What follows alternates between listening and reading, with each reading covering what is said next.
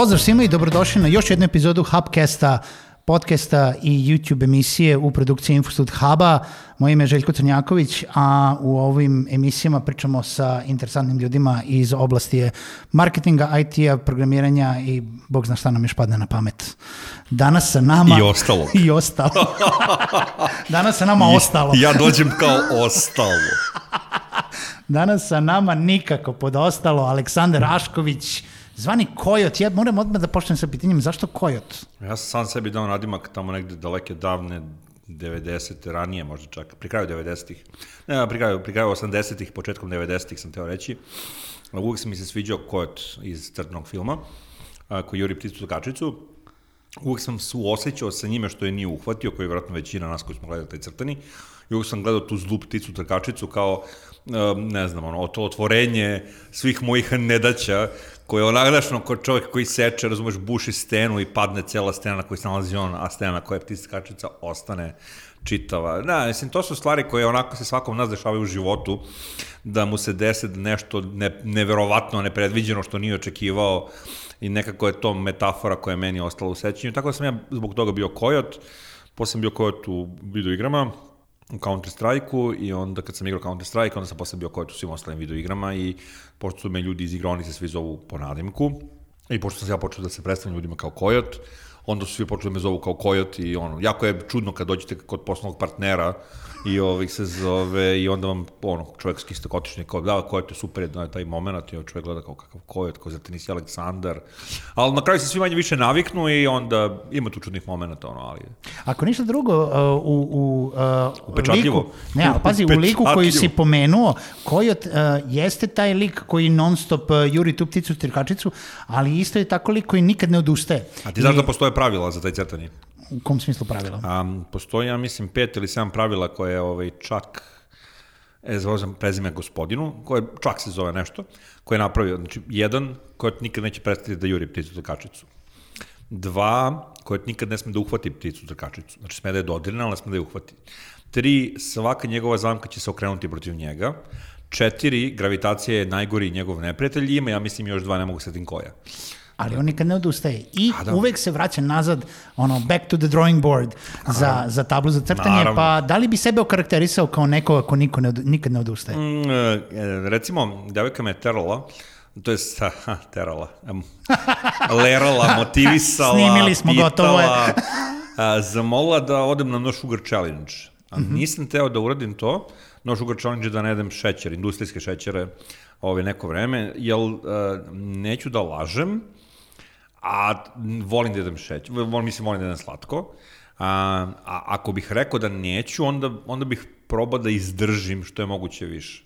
Znači, ja sam recimo poprilično krupan čovjek, negdje bi rekli debeo, ovaj, tamo negde pre par godina, da, pa mislim to, to, kako kaže drugar, nisam ja debeo, ja sam samo nizak, za ovu moju težinu treba budem visok 3,5 metra.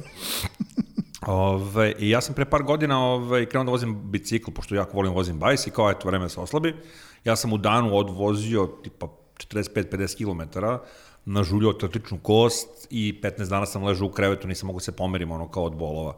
A, tako da poprično sam uporan to da, Ovaj, to je jedna karakteristika, samo kad uspem onako da sebe motivišem za neke stvari. Meni to više zvuči kao da si sebe povredio da ne bi morao drugi dan da, Da, vozi bicikl. to svi kao- drugi kažu, Da, ja se s time ne- ne, ne slažem, zato što nažalost znam sebe, a i, ni, a i suviše volim sebe da bi sebe povređivo da E, ne mora to, da radim to, neke to. stvari. Ja ako nešto neću da radim, ja samo kažem neću to da radim, kao što sam rekao, no sugar challenge, no no, i to je to. Kaži mi, te- ti si davne 98. počeo da radiš za svet kompjutera, Jeste. uz koji smo svi mi malo stariji odrasli. Ja ne znam da li ovi mladi još uvek tako čitaju svet kompjutera i da li im tako znači kao što je nama to značilo. Kako je to izgledalo? Kako si došao do, do sveta Kumovska kompjutera? veza. Kumus, pa, Klasična kumovska neka veza. Neka veza mora da je Ma, postojala. kumovska veza na keca. Moja ovaj, kuma se tada zabavljala, zabavljala sa urednikom sveta kompjutera. Ovaj, sad mu je žena, ima dvoje dece sa njim, tako da je, mislim, isplatilo Zato više ne radiš za svet Ne, ne, nije, nije. Zbog drugih stvari ne radim. Ovaj, I onda se menju na ono smarao, ajde, ajde, pitaj ga, pitaj ga. I ovaj, Dušan Negarac, aka Dingo, eto viš, još jedan ono kao primjerak životinskog sveta, ko je ti Dingo. Ovaj, je na kraju pristao da mu ja napišem neki tekst za njegovu rubriku koja je bila internet. Ovaj, on je vodio internet rubriku mislim da još uvek vodi, i ovaj, ja sam napisao tekst o multiplayer igranju. I taj tekst je kod mene prošao, ja mislim, tri revizije, kod Dinga je prošao četiri revizije, koliko sećam, lektorka ga je dva puta ono kao prelazila i našli su jedno tri greške ovaj, kad je otišao u štampu. Pošto imam te jezive greške kad kucam, kucam s dva prsta i onda pišem sma, pišemo, ovaj, mislim, znaš, ono, jednostavno, tastatura je podijeljena na dva dela za mene. I onda, kako mi je lakše tako otkucam ponekad. Mm -hmm. I, ovaj, I pored svih tih užasnih grešaka gramatičkih i stilskih, uh, stilski je bio jako lep tekst, gramatički ne, ali stilski da.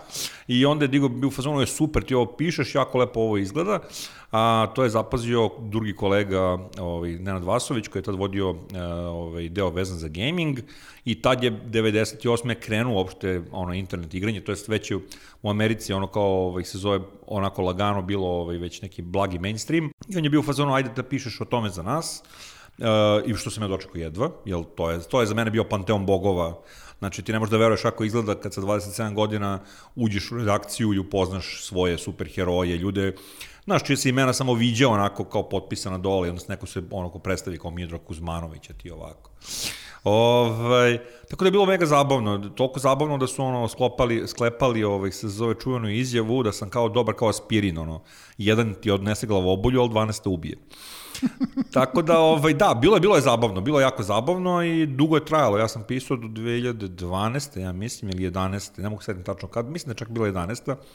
I više nisam imao energije. E, I scena se promenila, ja sam amatorio i neki drugi projekti su mi oduzimali jako puno vremena.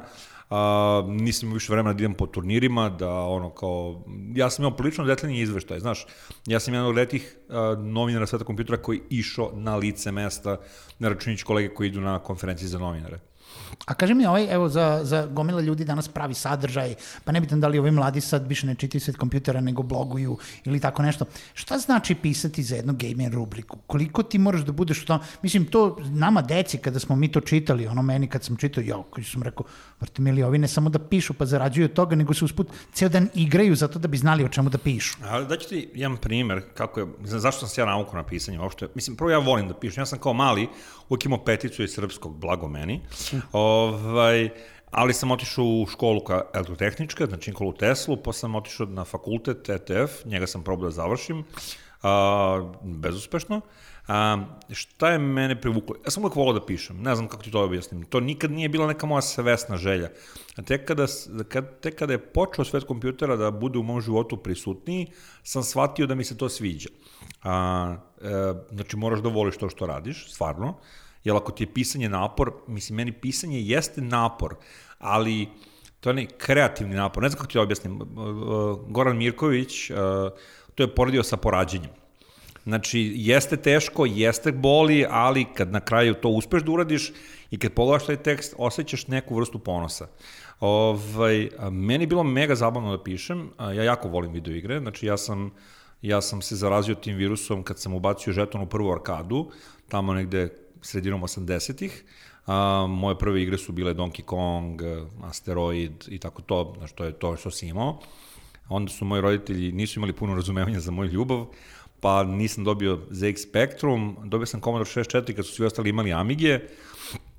U svakom slučaju, na kraju je došlo do nekog PC-a, taj, taj PC je faktički utro put ono kao pisanju a, za svet kompjutera, ali sam ja jako voleo video igre, jako sam uživao u njima i ono što je jako bitno, umeo sam da na pravi način prenesem taj duh nečega što sam on, o, osetio, da ga ovih sezona napišem u tekst. Naravno, to je ovaj, o, iziskivalo abnormalne napore od strane mojih urednika, koji su ono morali da prepravljaju u prvih par godina moje tekstove surovo, zato što kada ste čovjek koji nikad nije bio novinar, a ja nikad nisam bio stvarno novinar, a, onda ne umete da shvatite da morate da pišete za najmanji zajednički sadržalac, to jest ne možete pišete internet fore koje samo vi razumete, ne možete da pišete neki ono kao slang koji samo vi razumete, morate da se posvetite tome da čak i neko ko nikad u životu nije, ne zna ništa o video igrama ili, ili je čuo barem za njih, da može da razume tekst.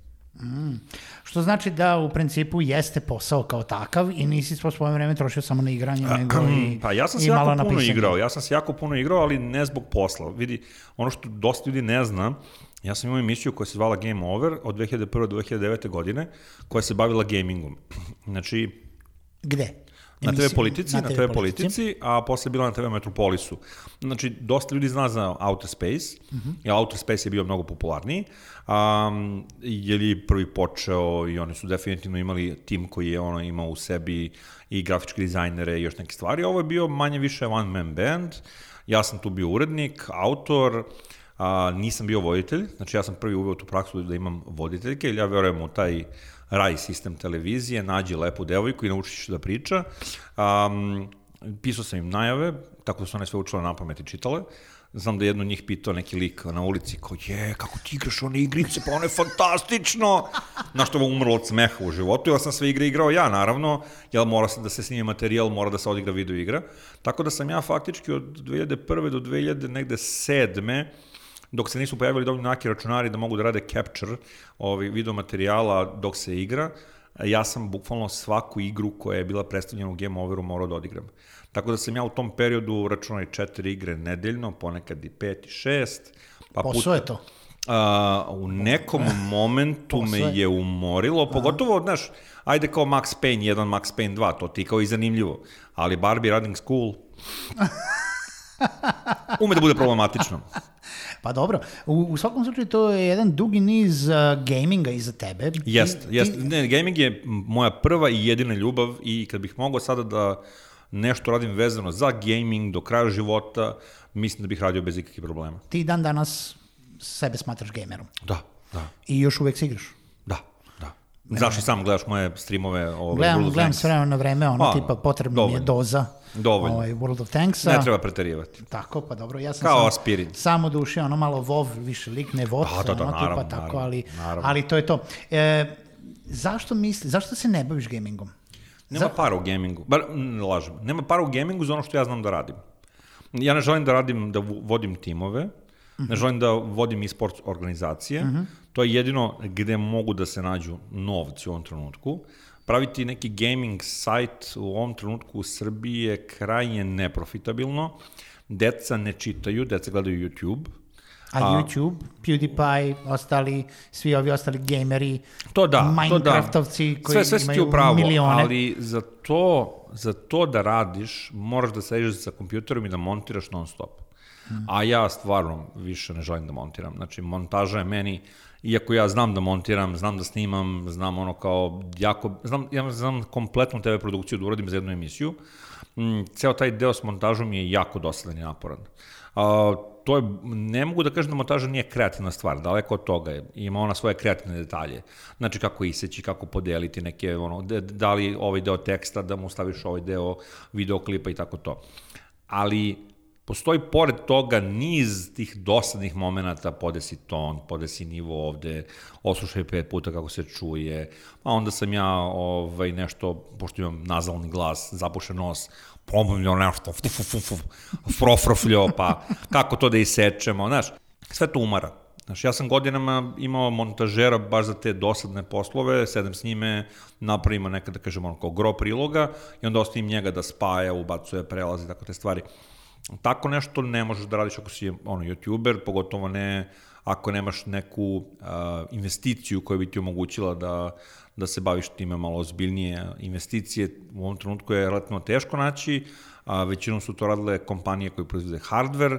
Hardware u ovom trenutku je doživo bio renesansu zadnjih par godina, što zbog Bitcoina, što zbog uh, povratka gaminga u mainstream. Um, ali ja sam bio više puta na tom toboganu i više puta mi se desilo da propadnem kroz njega ne zbog svoje greške, znači svi su hvalili moje emisije, nego zbog toga što se nešto promeni. Recimo, 2008. godine je krenula a, svetska ekonomska kriza i ja sam u mesec dana izgubio 1000 evra u sponzorstvima, a, jer su njima ukinuli budžete i oni su rekli nama je žao i to je to. Top 3 igre. Mm, um, pazi ovako, meni je jako dobra igra Star Wars Knights of the Old Republic, 1 mm -hmm. i 2. To je, da kažem, onako za ljude koji igraju te arkadne RPG avanture. Tu negde stoji Ma- Mass Effect 2. tri je džubre, mislim tri je super do kraja, onda na kraju ubija. A, od uh, pucačina, Max Payne 1 i 2 su mi neprevaziđeni. Oni su prvi put uveli taj bullet time i ludilo. Od ovih novih, Assassin's Creed Black Flag, jedan od najboljih Assassin's Creedova koje sam ja igrao. Stvarno je, stvarno je dobro urađen. Ne samo što je, ovaj, dešava se i u Karibima i Pirates i to mm -hmm. je mhm. to. I kad već pričamo o tome, Sid Meier Pirates, znači to je igra s kojoj smo mi ginuli. Da. I igra koju jako malo ljudi zna, Panzer General. E, zapanjujući ja znam. pa dobro. PC ili konzola? PC. PC. Ja, PC. ja na konzolama mogu da igram tri stvari. Znači, sim, futbolske, ono, slash sportske simulacije, znači to, zbog joypada, a tabačine, Street Fighter, Mortal Kombat, tako te stvari. Uh, I to je to. Ja sam bio zaprepašten, mi smo pre dve godine zbog dece uzeli ono kao tipa konzolu, ali kao, znaš, zbog dece kao treba će im. Znači ono kao tipa tati treba. Ovaj konzolu koju, ono, a ceo život sam bio PC gamer i onda sam počeo da igram neku pucačinu, izlazi prvi lik, ja onako ko ono, oko njega, znaš, ono, pucaš ono, praviš rupe u zidu oko njega i ne možeš da ga pogodiš. Jer ono, uh, ne, da ne znam da navikneš. da ciljam. Možda navikneš, ali mene samo proces navikavanja nervira pošto sam matro već, budemo da. realni, a, i mislim da me mrzi. Znam ljude koji igraju putače na konzoli i u fuzonu su kao šta, kao, sve je to okej, okay, kao. Mm, to je totalno okej. Okay. Ja nikome ne govorim da je...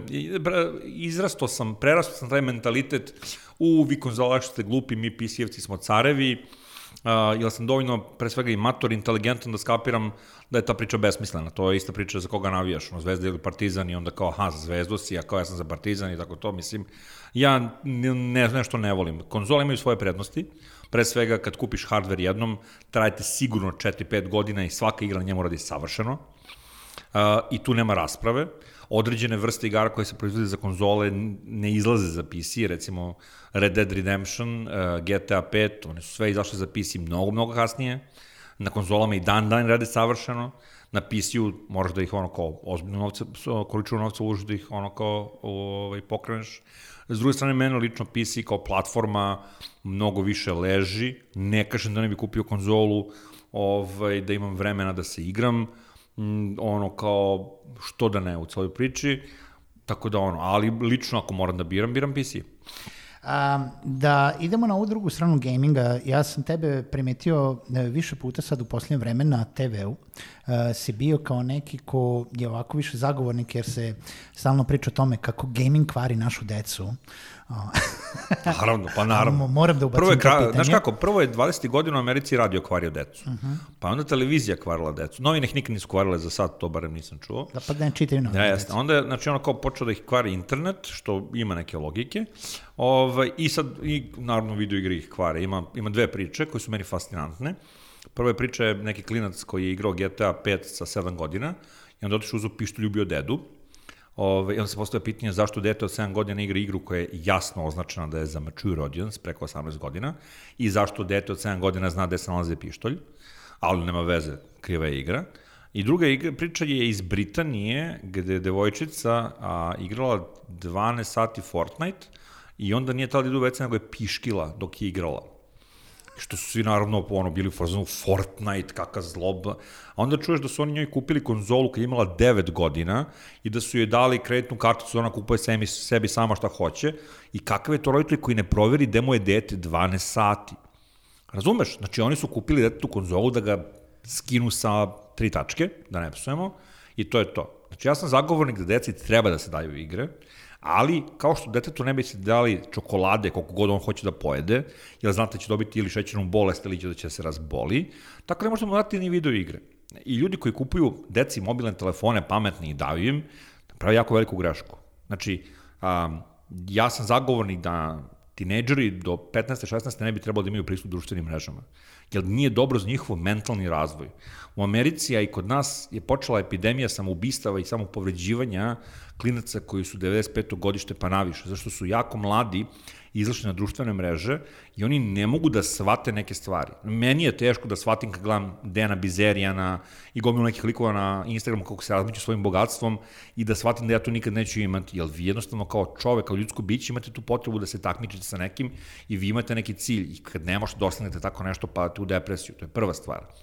Druga stvar, i ovo će možda zvučiti malo seksistički, ali se ovaj, sa time slažu veliki broj ono kao psihologa. Dečacima kad date on, pametni telefon, oni igraju video igrice i gledaju porno filmove. Devojčicama kad date pametni telefon, oni jako brzo shvate kako da ruše jedna drugoj društvene veze, prave slike koje su onako bezobrazne, a, ono, isključuju iz grupe devojčice, druge, i to sve dovodi do jako velikih problema. Dečaci, generalno gledano, a, kad se osjećaju nesigurno, oni su postanu nasilni, agresivni, tuku se i tako nešto. Devojčice, kad se osjećaju nesigurno, one internalizuju tu nesigurnost u sebe i većina njih počinje da se samo povređuje. I to je jako veliki problem. I to ljudi ne razmišljaju. Znači, mislim da je to jako veliki problem i za naše škole i za edukaciju. Mislim da pod jedan, da nijedan roditelj ne treba da dozvoli svom detetu da mu telefon mobilni bude pored ovih se zove jastuka jer nema šta da mu bude kad ide na spavanje. Znači treba da ga ono kao da mu ga da u 7 8 uveče krene na spavanje, 9 10 11 12 nebitno je kad ide dete na spavanje, nebitno je daj mi sine telefon, sutra kad ustaneš, dođi i pokupi. To je prva stvar. Jer deca noću ostanu budna, gledaju razne gluposti na ovih se zove YouTube-u, a, znači to je najveći problem cele priče, ne spavaju, za tu decu je san jako bitna stvar. I onda se povede priča o tome da li su video igre zavisne. Nisu. Ništa nije zavisno. Pogotovo i besmisleno pa, porediti video igre sa heroinom, kao što su određeni, pa ajde nazvaćemo ih psiholozi, jer su to završili, ali po mene su to ljudi željni pažnje i željni da uzmu pare od roditelja. Oni bukvalno to rade da bi uh, roditelje uzbunili, da bi roditelje zbunili i da bi roditelji doveli decu kod njih, da ih oni pregledaju da vidi da li su zavisni od videoigara. Um, mnogo je bitnije edukovati roditelje da daju deci kontrolisani pristup i društvenim medijima i ovih se zove mobilnim telefonima. A šta bi po tebi bio kontrolisani pristup? Evo ja, mislim, ono, odlična je tema, mislim, na ovo možemo pričati i dva sata, ali ne ovo vremena. Ajde, odmah ću, ti ali reći. šta je kontrolisani reći. pristup? Znači, vidi, znači, uh, ja, kako, kako smo rekli, ja imam teške kosti. Znači, ja sad kad bih morao na neku dijetu, ja bih morao da na dijetu 2000 kalorija. Jel tako? Neko ko je mršav i ko je zgodan, on bi mogao da jede dnevno i, i 5000 kalorija ko vežba. Onaj ko, ko je vrhunski atleta, on možda pojede i 10.000 kalorija dnevno i neće se ugojiti. Ako kažemo da kao sad težimo tom nekom ono kao ovaj, da budemo kao svi kao normalno građani, po znacima navoda. Tako isto s detetom. Ako je vaše dete ono kao redovno ide u školu, ako ima dobre ocene, ako ume samo sebe da kontroliše, dajte mu, izgradite sa njim taj sistem poverenja. Kao evo, evo, kao ti sam smisli koliko ti treba danas. To je najbitnija stvar na svetu, da dete postane samostalno, a dete postaje samostalno tako što mu dopuštate da pravi neke greške, naravno ne dajete mu da ode da polomi nogu, ruku, nos ili da ubode nekoga, ali u nekim određenim situacijama pustate ga da greši i pokušavate da mu objasnite gde je pogrešio, a na neki način mu gradite taj identitet. Ja ne mogu da kažem roditelju, e, vaš dete je dosta dva sata, sat vremena, 15 minuta. To zavisi od roditelja i od deteta. Ne, ali um, ok, to je ograničavanje vremena. Jeste. Ali kako bi, recimo, iskontrolisao sadržaj? Nemoguće. Sadržaj je jako teško iskontrolisati, ne zbog toga što ja mogu da iskontrolišem sadržaj na uređuju mog deteta tako što ću mu zabraniti neke stvari. Recimo, jedan moj prijatelj, on je na ruteru zabranio određene adrese, to je određene kanale na YouTube. Ali to je besmisleno, on će otići u školu. Otiće na neki drugi, tako ono, i vidjet će ne, ne, otići u školu i to je da. to. I u školi ima gomilu drugara, čak i mu uzmete telefon, ima da. gomilu drugara tu morate pričati s decom. To je jako, jako nezgodno. Ja kao osoba koja u ovom trenutku nemam decu, um, ovaj, obično moja devojka voli da kaže nemoj da daš ljudima savete kako vaspitavaju decu i pse, nemaš nijedno ni drugo. Ovaj, ja kao osoba koja, kažem, nemam ono kao decu, ne želim nikom da dajem savete. Moja, moja neka sugestija je da morate da pričate sa decom im, da morate im objasnite da ljudi koji gledaju na YouTube-u, koji su u ovom trenutku popularni, namerno rade neke stvari zašto znaju da to klinci ne smeju da rade. Namerno psuju, namerno se ponašaju jako ružno, da ne kažem prave se debe debila, neki jesu debili, ovaj, pa budimo realni, mislim, ono kao kad pogledate ko je najpopularniji na YouTube-u, na ono kao prvih deset ljudi, od toga su barem trojca debili. Mislim, nisu debili kao da imaju mentalno, ovaj, se zove, smetnju razvoju, nego prave od sebe majmuni debile, što znaju da je to deci interesantno. Jer deca tako ne sme se ponašaju. I onda i deca imitiraju. Deca ih imitiraju što roditelji ne znaju šta im deca gledaju. Jel, bilo koji, ja sam sa milion roditelja pričao, joko, brate, pokušao sam da gledam ono, ne mogu. Pa naravno da ne možeš, nije pravljeno za tebe. To je pravljeno za dete od 7 godina koji ima ono kao uh, attention span mnogo manji nego ti i koji non stop mora da bude uh, stimulisan i motivisan. A to se dešava kad ste ovako ponašate, gde ste drugari? Aaaa! Razumeš? Zato što normalan čovek ne vidi, ne mora da mu normalnom čovjeku, ne možeš da predstavljaš tu emociju na taj način. Dete tu moraš, dete ne razlikuje emocije, dete ne razlikuje, ne, ja sam davno shvatio kad sam počeo da se zezam sa YouTube-om, da deca ne razumiju ironiju. Znam da je jedan put neko napisao, ko te kupi mi neki tank, ja sam napisao, hoću, hoću, nema problema. I onda me deca sledeći 15 puta pitalo, a kada ćeš mi kupiš tank? A kada ćeš mi kupiš tank? Znači, on ne kapira da sam ja bio ironičan. Da. Shvataš? Tako da uh, morate pričati s decom, morate odvojiti vreme, pogotovo što uh, u neka prošla vremena kada smo mi odrastali bez društvenih mreža, bez interneta, neke stvari su se teže saznavale. Mislim, bukvalno ću biti jako brutalan. Seti se kako si dolazio do nekog eksplicitnog sadržaja, da ne kažemo ono kao za neke stvari. Danas bilo koliko ukuca Pornhub ima na, na milione videoklipova. I ti mišljaš, deca ne znaju to. Pšš Danas klinci koji imaju i ono i 7 i 8 godina gledaju ono kao porno filmove koji nisu za njih, koji, koji im prenose pogrešnu sliku seksa, koji im ono, a, a mi smo inače tradicionalno konzervativno društvo da se o tome ne priča da. i vi onda imate situaciju da ono ko odrasta generacija koja jako je zbunjena. Mi smo još i dobri, zato što kod nas dručije škola, dručiji sistem, edukacija postoji, ostaci ono profesorskog kadra koji su, da kažem, normalni se trude. U Americi postoji epidemija, epidemija devojčica koje se samo povređuju, jer jednostavno ne mogu da reše taj problem što ih ono zlostavljaju online, sa anonimnih naloga, cyberbullying je tamo eksplodirao. I kod nas ovde to postoji, nas.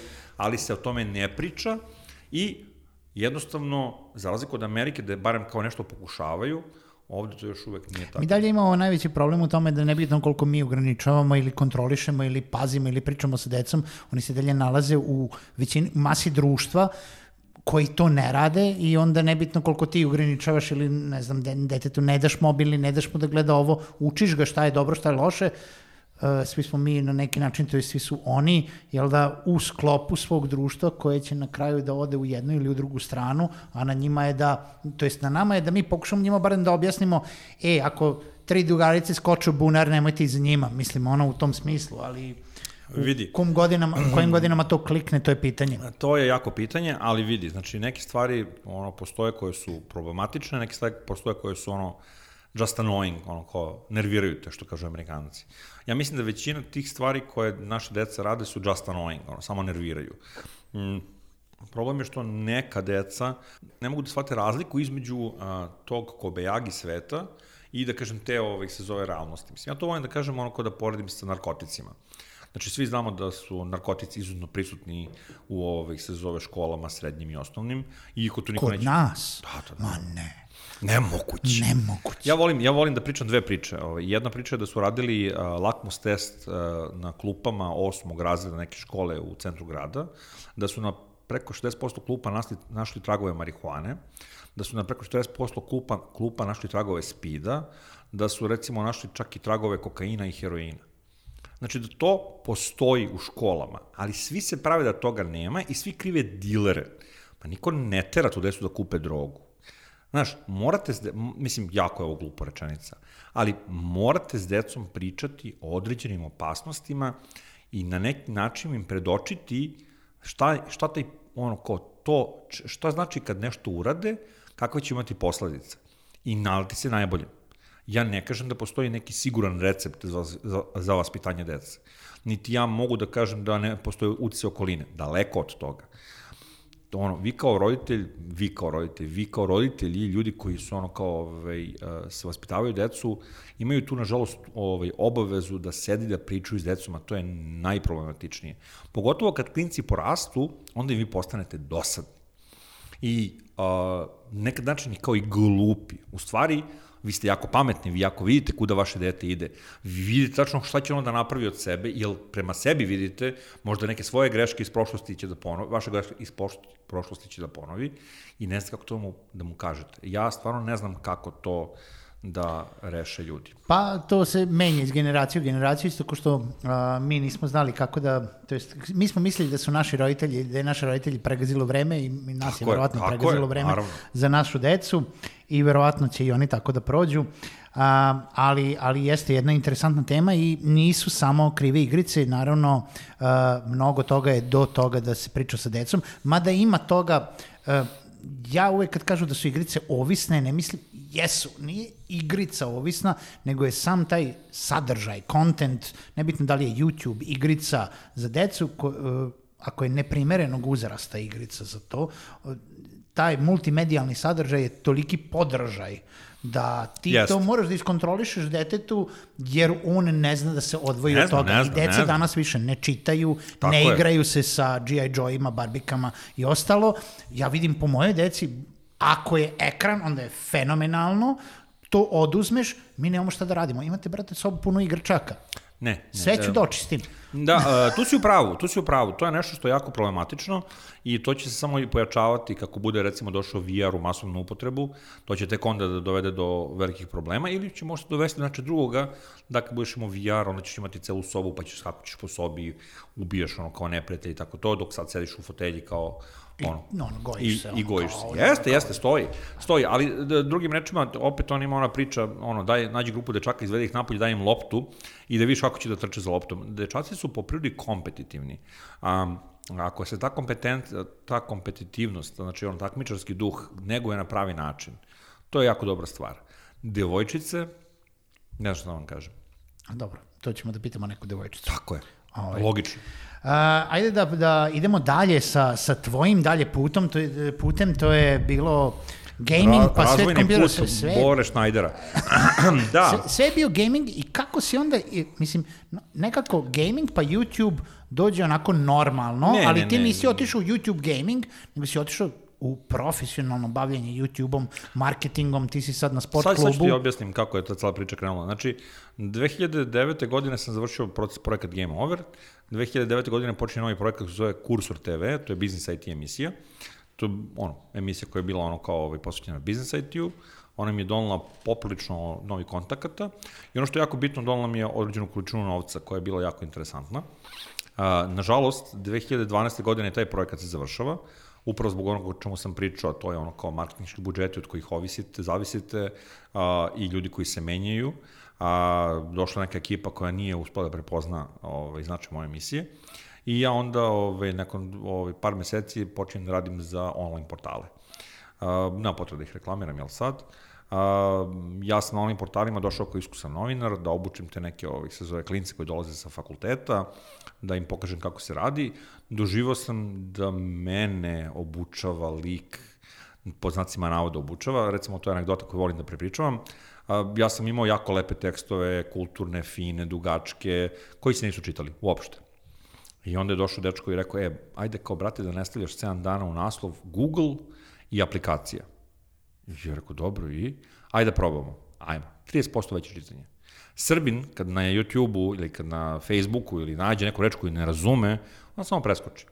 A to opet pričamo onu priču ono kao klinci koji ne čitaju, klinci koji se ne edukuju, klinci koji izlaze iz ovih škola polupismeni, polu naučeni i onda jednostavno morate da se spustite kad radite društvene mreže za nekoga, da se spustite kao opet, znaš ona priča, ono kao najmanji zajednički činilac. Kad sam radio svet kompjutera, taj činilac je bio mnogo veći. Sada je mnogo nisko. I zato uspevaju clickbait naslovi i nikad neće da prestanu i zato likovi non stop kliću na clickbait naslove i ti bi pomislio kao, pa dobro, majku mu, neko će valjda da provoli da ga lažu. Ne. Ne, mi smo kao majmuni jako radoznali. Clickbait naslovi su generalno gledano Znam da me lažu, ali da proverim da, za da, da, svaki slučaj. bukvalno, bukvalno, ja znam gomilu, ja znam, ja, ja kličem na clickbait naslove povremeno. Ove, ja koji sam ih kreirao. A, I to je ono što je bilo jako dobro za mene. Zašto postoje po meni dva clickbaita, postoje onaj najjeziviji koji rade ono ko kurir i ta ekipa ovaj, i ono žuta štampa, koji je ono baš užasan. A, I postoje neki normalan clickbait gde vi faktički zainteresujete korisnika da klikne. Jel ne možete više, ne možete, ako imate recimo primjer radi kolege na, koji su radili na sport klubu, znači ovaj, koji rade YouTube kanal, mi smo im držali obuke, onda sam ja objašnjavao, ne možete napišete u videoklipu a, Partizan Zvezda, rezultat 4-3. Ne možete, jer ne, niko neće da klikne na taj klip, oni znaju. Nego pogledajte nevjerojatan go koji je neki igrač dao zvezdi. Razumeš? Samo 40 minuta videa. Ne, nije 40 Da, minuta video, ne, ne, to su, mislim, kratki su video, ali hoću ti kažem, moraš na neki način opisno da objasniš čoveku šta očekuje, ili u tekstu, Da. ili u videu, na kraju krajeva i u reklami. A, e, kažem ti, taj, taj, moj, taj moj stin, kako bih rekao, ta moja, to moje bavljanje online medijima je trajalo neko vreme. Meni slično nije svidelo, zato što tu je bilo sve manje manje novinarstva, a sve više i više ono kao igranja sa brojevima i ono mora da se bude sve čitano i mene to u nekom trenutku umorilo. A, a u isto vreme sam ono kao a, naučio dosta o Facebooku, naučio sam kako funkcioniše Facebook algoritam, naučio sam kako funkcioniše uopšte ovih se zove ljudi na društvenim mrežama, neka pravila koja nikad ne mogu da naučim da nisam radio sa fanpage-ovima koji su ono koji imali po 50, 100, 150, 200 hiljada lajkova. I onda sam rešio da se prebacim u marketing. Nekako spontano, u tom momentu i moja devojka je počela da radi YouTube a, i onda je ona učila neke osnovne YouTube SEO za neki svoj posao i ja sam generalno gledano krao zanat od nje i ovaj, na kraju smo nekako shvatili posle jednu godinu i po dana da je to nešto čime treba da se bavimo, da smo jako dobri a, i faktički sam nakon o, cele te priče prešao u ovaj, gaming kompanije, ja sam bio deo Epixa i deo Metal Gamesa, U, u Epixu sam radio narrative design za video igre, znači pisao sam scenarije, pisao, ne scenarije, pisao sam rečenice, dijalog i tako te stvari, dok sam u Madhead Gamesu baš bio zadužen za marketing, znači promovisao sam njihove neke igre i tu sam isto stekao jako puno iskustva, ovih se zove, kad je promovisanje video igara u pitanju, mislim bilo čega, strancima, i tu sam otkrio još nešto što recimo dosta ljudi ne zna, to je Reddit marketing, koji je ono kao jedna poprilično velika nepoznanica za ljude u Srbiji, a to je dosta dobra stvar ako se reklamira, to je ako vam trebaju kupci iz, iz ono, zapadne Evrope i Amerike i Kanade i Australije. Tako da, taj prelazak u marketing je došao onako polako. Ništa to nije bilo, kako da kažem, onako boom, tras. Ja sam jedan ustu rekao, je danas sam ono marketar. Uh, trebalo mi je za ovo nešto za oglašavanje, pa sam naučio, trebalo mi je ovde nešto, pa sam naučio. U svakom slučaju, u nekom momentu sam shvatio da znam dosta i pokušao da to na neki način ovaj, nekom drugome i ovaj, prodam i naplatim. Pa, uglavnom, to je fantastično, u smislu, znači, ti nisi vezan samo za YouTube marketing, iako ne. si isprofilisan Yes. za, za YouTube, nego se generalno baviš ovaj, marketingom.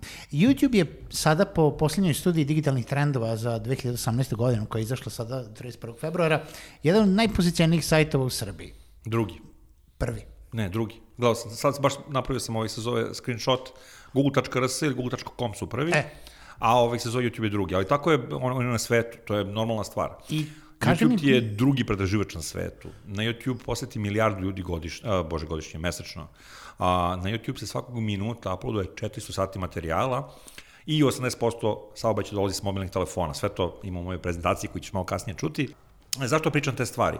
Pričam zašto ljudi ne kapiraju koliko ljudi na YouTube-u ovih se zove dolaze. I ono što je jako bitno, što verovatno niko ne zna, vreme provedeno na YouTube-u je 15 i više minuta. Znači, ono, varira, od, zavisno od istraživanja od 15 do 45 minuta.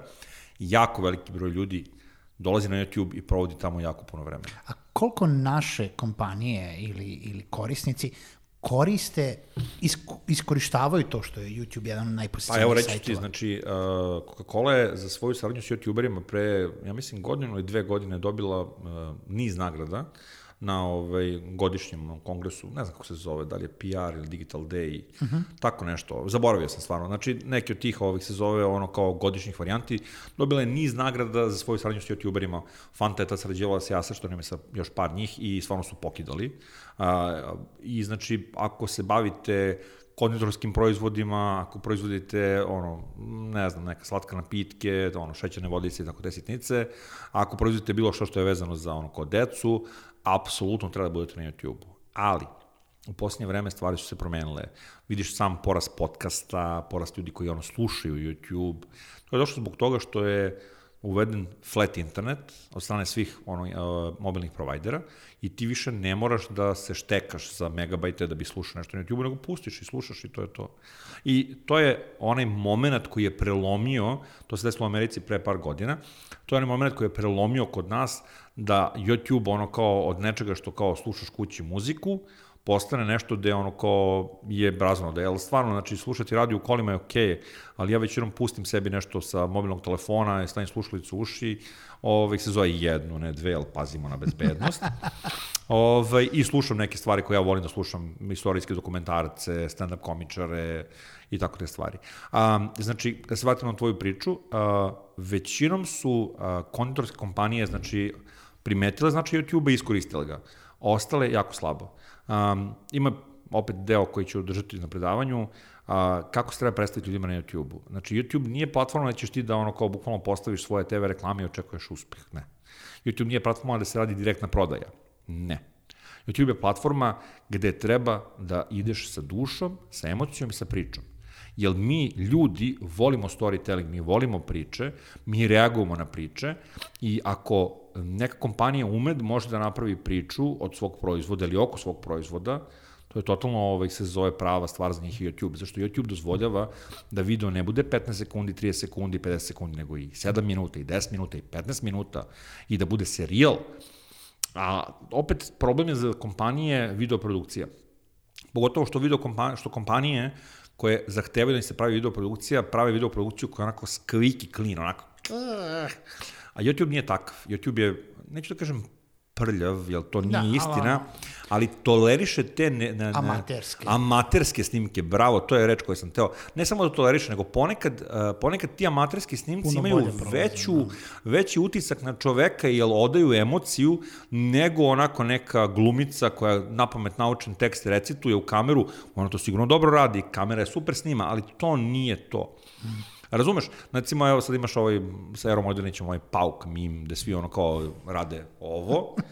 Znači, to ti je klasičan primer interneta. Da. Klasičan primer interneta koji neko, neko je to uradio, to je tako blelo na YouTube-u ko zna koliko, i onda jedan put eksplodiralo zato što je neko šerovo i bio u a vidi ove ludake, i to je to.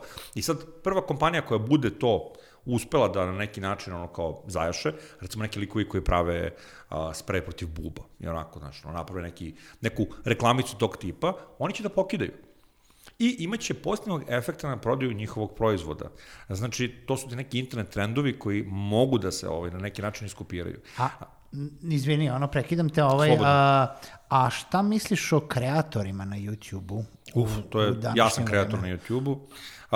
Pa znaš kako, postoji... Mislim, mislim na lokalne, ne mislim na svetske. Postoji stara garda i nova garda. Znači, stara garda su likovi koji su počeli 2010. 11. godine i većina njih ima drugčije poimanje YouTube od ovih novih klinaca.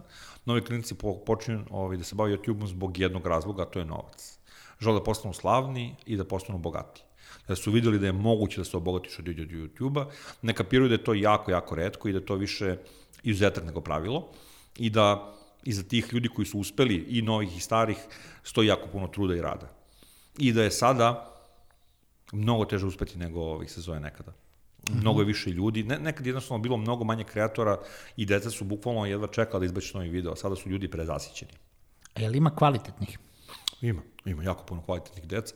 Ima, ima puno jako kvalitetnih kreatora, kako za ono klince, tako i za starije. Mm -hmm. Znači, uh, u ovom trenutku YouTube postaje polako primarni mediji i dominantan je za talk showove. Znači, talk showovi na televiziji jednostavno će da umru lagano. 45 minuta vremena da posjetite, ne da slušate nekoga je okej, okay, ali oslušaj kad dođem kući, u autobusu, dok se vraćam sa posla, kolima, nebitno. Ne, znaš, ono kao staviš slušalice i pustiš sebi da slušaš taj neki intervju koji te interesuje ili podcast. Ovo, ovo je intervju. Ovo je na televiziji intervju. Na YouTube je podcast. Tako je. I ja mislim da smo došli do kraja emisije. Ovaj, prešli smo preko mnogo, mnogo stvari od, od ranih dana kojota do, do veoma ozbiljnih tema i edukacije dece. A, ovaj, kako će ljudi da me hejtu, ali nema veze. Ali nema veze, ja mislim da, smo, da, da je sve što smo rekli, da što si rekao, izuzetno dobro. Ja to prepoznajem kao neko ko ima decu i veoma se slažem sa mnogo Super. stvari što si rekao uh, i, i naravno prepoznajem sve, sve ostale probleme o kojima, o kojima ljudi pričaju. Uh, Aleksandre, hvala ti lepo što si bio gost u ovom Hubcastu i nadam se da ćemo se vidjeti ponovo u Subotici uskoro.